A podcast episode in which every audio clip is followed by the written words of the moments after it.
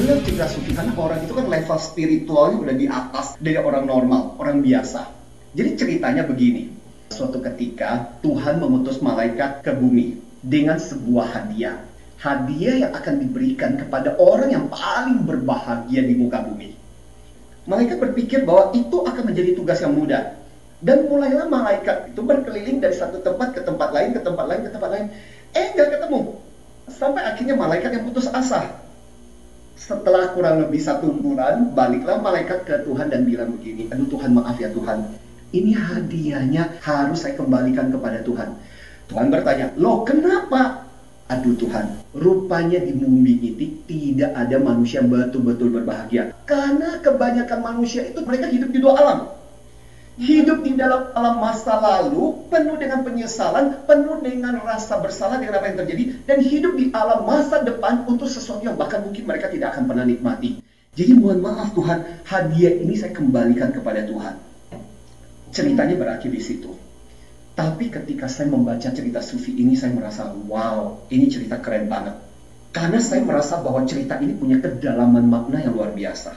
Sekali lagi, kebanyakan dari kita hidup di dua alam living in the past. Hidup di dalam masa lalu di mana emosi negatif di masa lalu itu kan rasa nyesal, rasa bersalah, atau rasa malu. Misalnya contoh kalau saya boleh sharingkan, mungkin saya akan menyesali kenapa dulu gue presentasi kayak begitu, kenapa gue nggak melakukan jurus ini, kenapa gue nggak persiapan. Stop itu yang terjadi. Atau yang kedua, hidup masa depan. Emosi negatifnya apa? Terlalu banyak cemas khawatir. nggak sih? Iya, yes, betul. Takut nanti bakal seperti apa. Jadi akhirnya kemudian kita nggak pernah hidup di masa sekarang untuk betul-betul enjoy dengan apa yang terjadi. Banyak pertanyaan yang muncul. Mindful itu apa sih? Jadi gini, bedakan antara mindful 1L dengan mindful 2L. Itu beda. Oh. Mindful 1L itu aware, sadar, peka dengan sekarang mindful yang 2L itu pikiran kita penuh ya. Saking penuhnya penatnya akhirnya kemudian kita nggak bisa konsen lagi dengan apa yang terjadi itu mindful yang 2L nah yang kita obrolkan adalah yang mindful 1L ya. Mindful dalam pengertian kita adalah bagaimana kita hidup kini dan di sini. Saya masih ingat di psikologi ada satu aliran namanya aliran humanistik dari Carl Rogers sebagai manusia yang luar biasa adalah living here and now. Bagaimana kita hidup kini dan di sini. Dan itu nggak gampang. Saya jadi ingat dengan cerita tentang ada istri yang saking keselnya sama suaminya. Jadi suaminya tiap hari hobinya main game. Akhirnya dia bilang sama suaminya gini, tapi tadi pagi ada tukang bersihin talang pipa datang ke sini. Ah, jadi nggak jawab apa, karena dia sibuk main game. Tapi tulang talang pipanya tuh cakep loh eh, masih main game. Dan papi tahu nggak tukang talon pipanya itu godain aku dong, nggak main game. Terus aku juga tergoda loh, nggak masih main game. Dan papi tahu nggak dia mengajak aku pergi daripada hidup bersama papi yang tiap hari cuma main game, nggak masih main game. Dan akhirnya akhirnya aku kayaknya memutuskan aku mau pergi sama dia deh, ah masih main game. Dan akhirnya malam okay. istrinya kabur meninggalkan sebuah catatan. Catatannya adalah, tapi seperti yang saya ceritakan tadi, saya akhirnya memutuskan untuk pergi sama tukang talang pipa karena di rumah nggak diperhatikan sama sekali. Suaminya waktu okay. membaca, suaminya langsung ngamuk. Loh, kok dia pergi kok nggak bilang sama aku? Padahal dari tadi udah ngomong. Cuma dia sibuk main okay, game. Yeah, yeah. Maksud saya, mindful itu artinya kita waspada, mindful itu artinya kita fokus. Jadi beberapa komponen yang selalu kita katakan ada komponen pertama dari mindful itu apa? Pertama-tama kita latihan fokus dong bisa loh sambil sekarang ini siaran pikiran kita melayang ke mana-mana ngerjain apa jadi akhirnya kemudian kita nggak fokus. Lebih aware belajar untuk lebih sadar dengan apa yang terjadi. Belajar untuk lebih merasakan apa sih perasaan kita apa sih yang terjadi gitu. Nah ini yang paling penting di mindfulness ini. Ketika kita bertindak ketika kita melakukan sesuatu jadi segala sesuatu itu kita lakukan dengan sadar, act consciously. Paling enggak mindful itu bisa dibagi beberapa hal. Ada yang namanya spiritual mindful. Misalnya contoh, ketika kita sekarang sama-sama siaran tapi kita tetap bersyukur, tetap punya connect sama yang di atas. Apa pun agama kita, keyakinan kita tetap bersyukur. Ya Allah, aku terima kasih hari ini aku masih bisa bernafas. Tuhan terima kasih untuk segala yang Tuhan berikan pada hari ini. Itu mindful spiritual. Dan itu membuat kita bersyukur dengan luar biasa. Mindful yang kedua adalah mindful mental. Mindful mental itu adalah yaitu kita alert, sadar dengan apa yang kita kerjakan. Ya, kita sedang bicara betul-betul kita fokus. Dan itu membantu loh. Jadi belajar mindful itu membuat kita melakukan pekerjaan dengan lebih tuntas, dengan lebih cepat. Ada mindful sensory. Sensory itu panca indera kita bekerja. Mata, pendengaran kita, perasaan kita, apa yang kita cium, itu membuat harusnya kita bersyukur. Kan salah satu gejala COVID-19 itu adalah Tidak penciuman nggak bisa mencium ya. lagi. Ya. Nah terakhir ada yang namanya emotional mindful. Perasaan lu sebenarnya sekarang ini apa sih? Apa yang terjadi? Tidak menolak perasaan. Karena kesadaran itulah yang kemudian nanti kita ubah Kesadaran inilah yang akan membuat kita tahu ini penyebab kita stres, bagaimana apa yang harus kita lakukan, kita jadi tahu. Perhatikan situasi kita sekarang. Pertama-tama bombardir dari teknologi. Bangun pagi aja, hal pertama kali yang kita cari adalah handphone. Waktu dibuka, pang, ada begitu banyak notifikasi udah muncul. Jadi ada begitu banyak gangguan sejak kita bangun pagi. Untuk nggak bisa fokus dengan apa yang terjadi.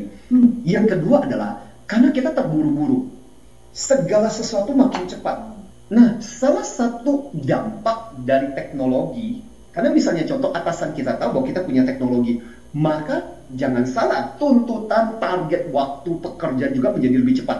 Dan itu membuat kita terburu-buru terus-menerus untuk melakukan pekerjaan kita dengan cepat. Saking terburu-burunya bahkan kita dengan anak kita, dengan orang-orang yang kita kasihi, bahkan dengan mereka aja kita udah nggak punya waktu sama sekali. Dan itu menjadi begitu mahalnya. Dan yang ketiga adalah karena kita dituntut bahkan sekarang itu multitasking.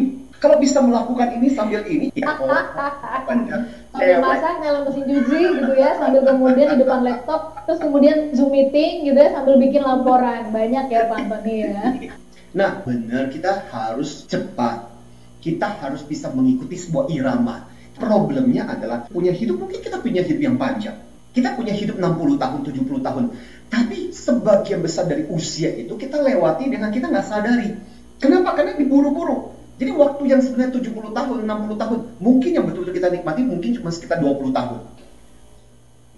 Mari kita bikin realistis lah. Bahwa mungkin juga nggak bisa sepenuhnya, lantas kemudian kita bahkan nggak bisa enjoy sama sekali dengan apa yang terjadi. Yuk fokus berusaha untuk share, berusaha untuk bisa menikmati, berusaha untuk bisa enjoy 100% hadir kini dan di sini. Itu sebabnya kalau saya boleh bocorkan rahasianya, berbagi ya. dengan teman-teman ACD, awareness, change, dan kemudian decide. Belajar untuk aware, aware untuk memilah-milah. Oke, aku punya masalah hmm. dengan situasi pekerjaan saat ini. Aku punya situasi dengan kondisi tempat uh, di rumah aku punya masalah itu memilah-milah itu seperti kayak kita menumpuk sesuatu dengan lebih tertib karena kita aware. Yang kedua change dengan kesadaran kita kita kemudian berpikir apa sih memungkinkan yang bisa kita ubah. Artinya gini loh, tanpa sadar kadang-kadang kita itu nggak aware.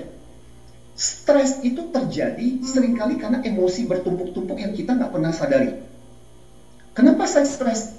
Nggak tahu ya, tapi aku merasa stres aja di bawah sadar mungkin gara-gara karena mikirin masalah itu saking banyaknya masalah udah nggak terpikirkan lagi udah masuk ke bawah sadar nah dengan kesadaran membuat kita jadi bisa menaikkan kembali lagi oh iya ya jadi kita bisa mengubah makanya kalau kita bicara tentang kecerdasan emosional itu kan selalu dimulai dengan yang namanya self awareness penelitian hmm. mengatakan ketika kita sadar itu adalah hukumnya wajib untuk kita melakukan perubahan nah setelah kita merubah berikutnya adalah keputusan apa yang bisa kita ubah, apa yang kita nggak bisa ubah. Ya kondisi pandemi ini sampai kapan aku nggak bisa ubah. Keputusan yang aku bisa ubah adalah aku bisa memutuskan untuk manyun, aku bisa memutuskan untuk tersenyum. Itu keputusan. Okay.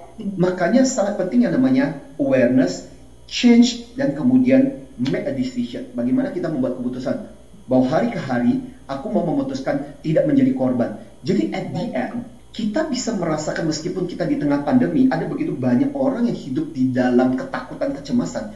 Kita menjadi segelintir orang langka yang bisa hidup dengan mindful dan hidup dengan bahagia meskipun pandemi seperti ini terjadi. Jadi hidup itu akan lebih kaya ketika kita bisa mindful. Bruce Lee selalu bilang, yang penting bukan seberapa panjang lo hidup, yang paling penting adalah bagaimana kamu memaknai kehidupan itu penting. Jadi dengan kata lain, percuma kamu hidup 70 tahun, tapi sebenarnya kehidupan yang kamu sadari itu cuma 20 tahun. Mendingan saya hidup 30 tahun, tapi saya betul-betul menikmati 30 tahun saya ini. Saya masih ingat waktu saya di Jepang. I have a very interesting moment. Jadi waktu itu, karena waktu terbatas sebenarnya, kita udah bikin jadwal. Tapi ada satu museum yang sangat keren. So akhirnya kita ke sana. Dan museum itu adalah museum taman-taman yang dibuat dari pasir. Dan yang menarik adalah di beberapa taman itu dibikin oleh benua ahli taman.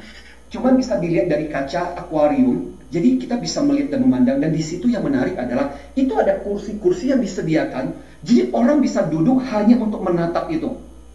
Dan kita berkeliling satu taman itu hampir satu jam. Kita udah lari-lari, udah foto-foto di mana, balik lagi. Dan saya menyaksikan itu ada seorang ibu-ibu tua dari satu jam tidak beranjak. Wajahnya teduh, wajahnya tenang. Dia cuma duduk di sana dan enjoy taman yang ada di depan dia. Tapi itu yang saya maksudkan dengan mindfulness. Jadi ketika kita bisa mindful, hidup kita lebih kaya. Hmm. Bukan kaya dan materi, tapi kaya secara pengalaman. Karena betul-betul enjoy dengan apa yang terjadi, dengan enjoy dengan apa yang kita lihat. dan yang kedua adalah itu ya, Pak Antoni ya. Iya. Dan ketika kita mindful, kita bisa lebih fokus. Dan ketika kita bisa lebih fokus, produktivitas kita lebih tinggi. Karena apa? Nggak perlu diulang-ulang. Saya fokus dengan apa yang saya kerjakan. Makanya banyak orang kemudian melakukan dan melakukan. Kenapa? Karena nggak fokus, nggak mindful. Dan itu yang menyebabkan pekerjaan jadi ulang-ulang.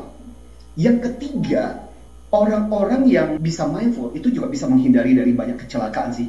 Makanya kenapa di kendaraan itu orang dilarang keras untuk menggunakan handphone.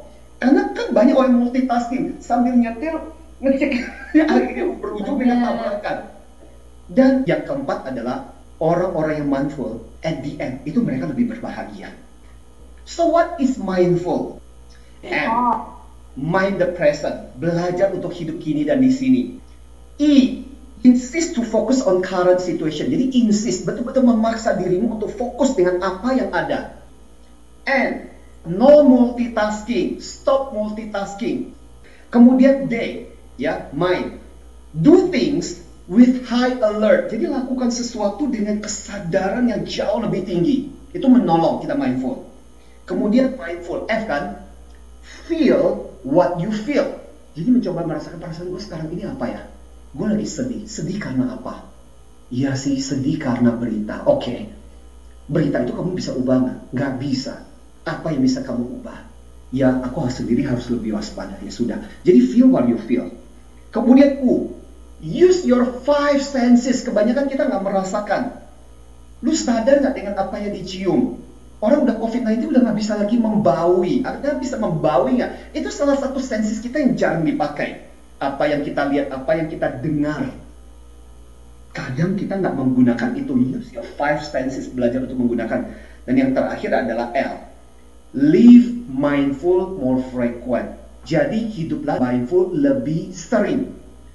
Sekali lagi teman sekalian, kita ada banyak hal yang kita tidak bisa lakukan di tengah pandemi ini. Tapi kita bisa membuat satu keputusan. Keputusan terbaik adalah bagaimana kita belajar untuk mencoba untuk menghidupi kini dan di sini. Dan belajar untuk menghargai. Kita tidak pernah tahu apakah besok kita masih punya kehidupan. Tapi yang for sure, yang pasti adalah saat ini kita masih dikasih kehidupan oleh Tuhan. Itu yang kita syukuri. Itu yang kita jalani. Itu yang berkat yang paling luar biasa yang kita terima pada saat ini.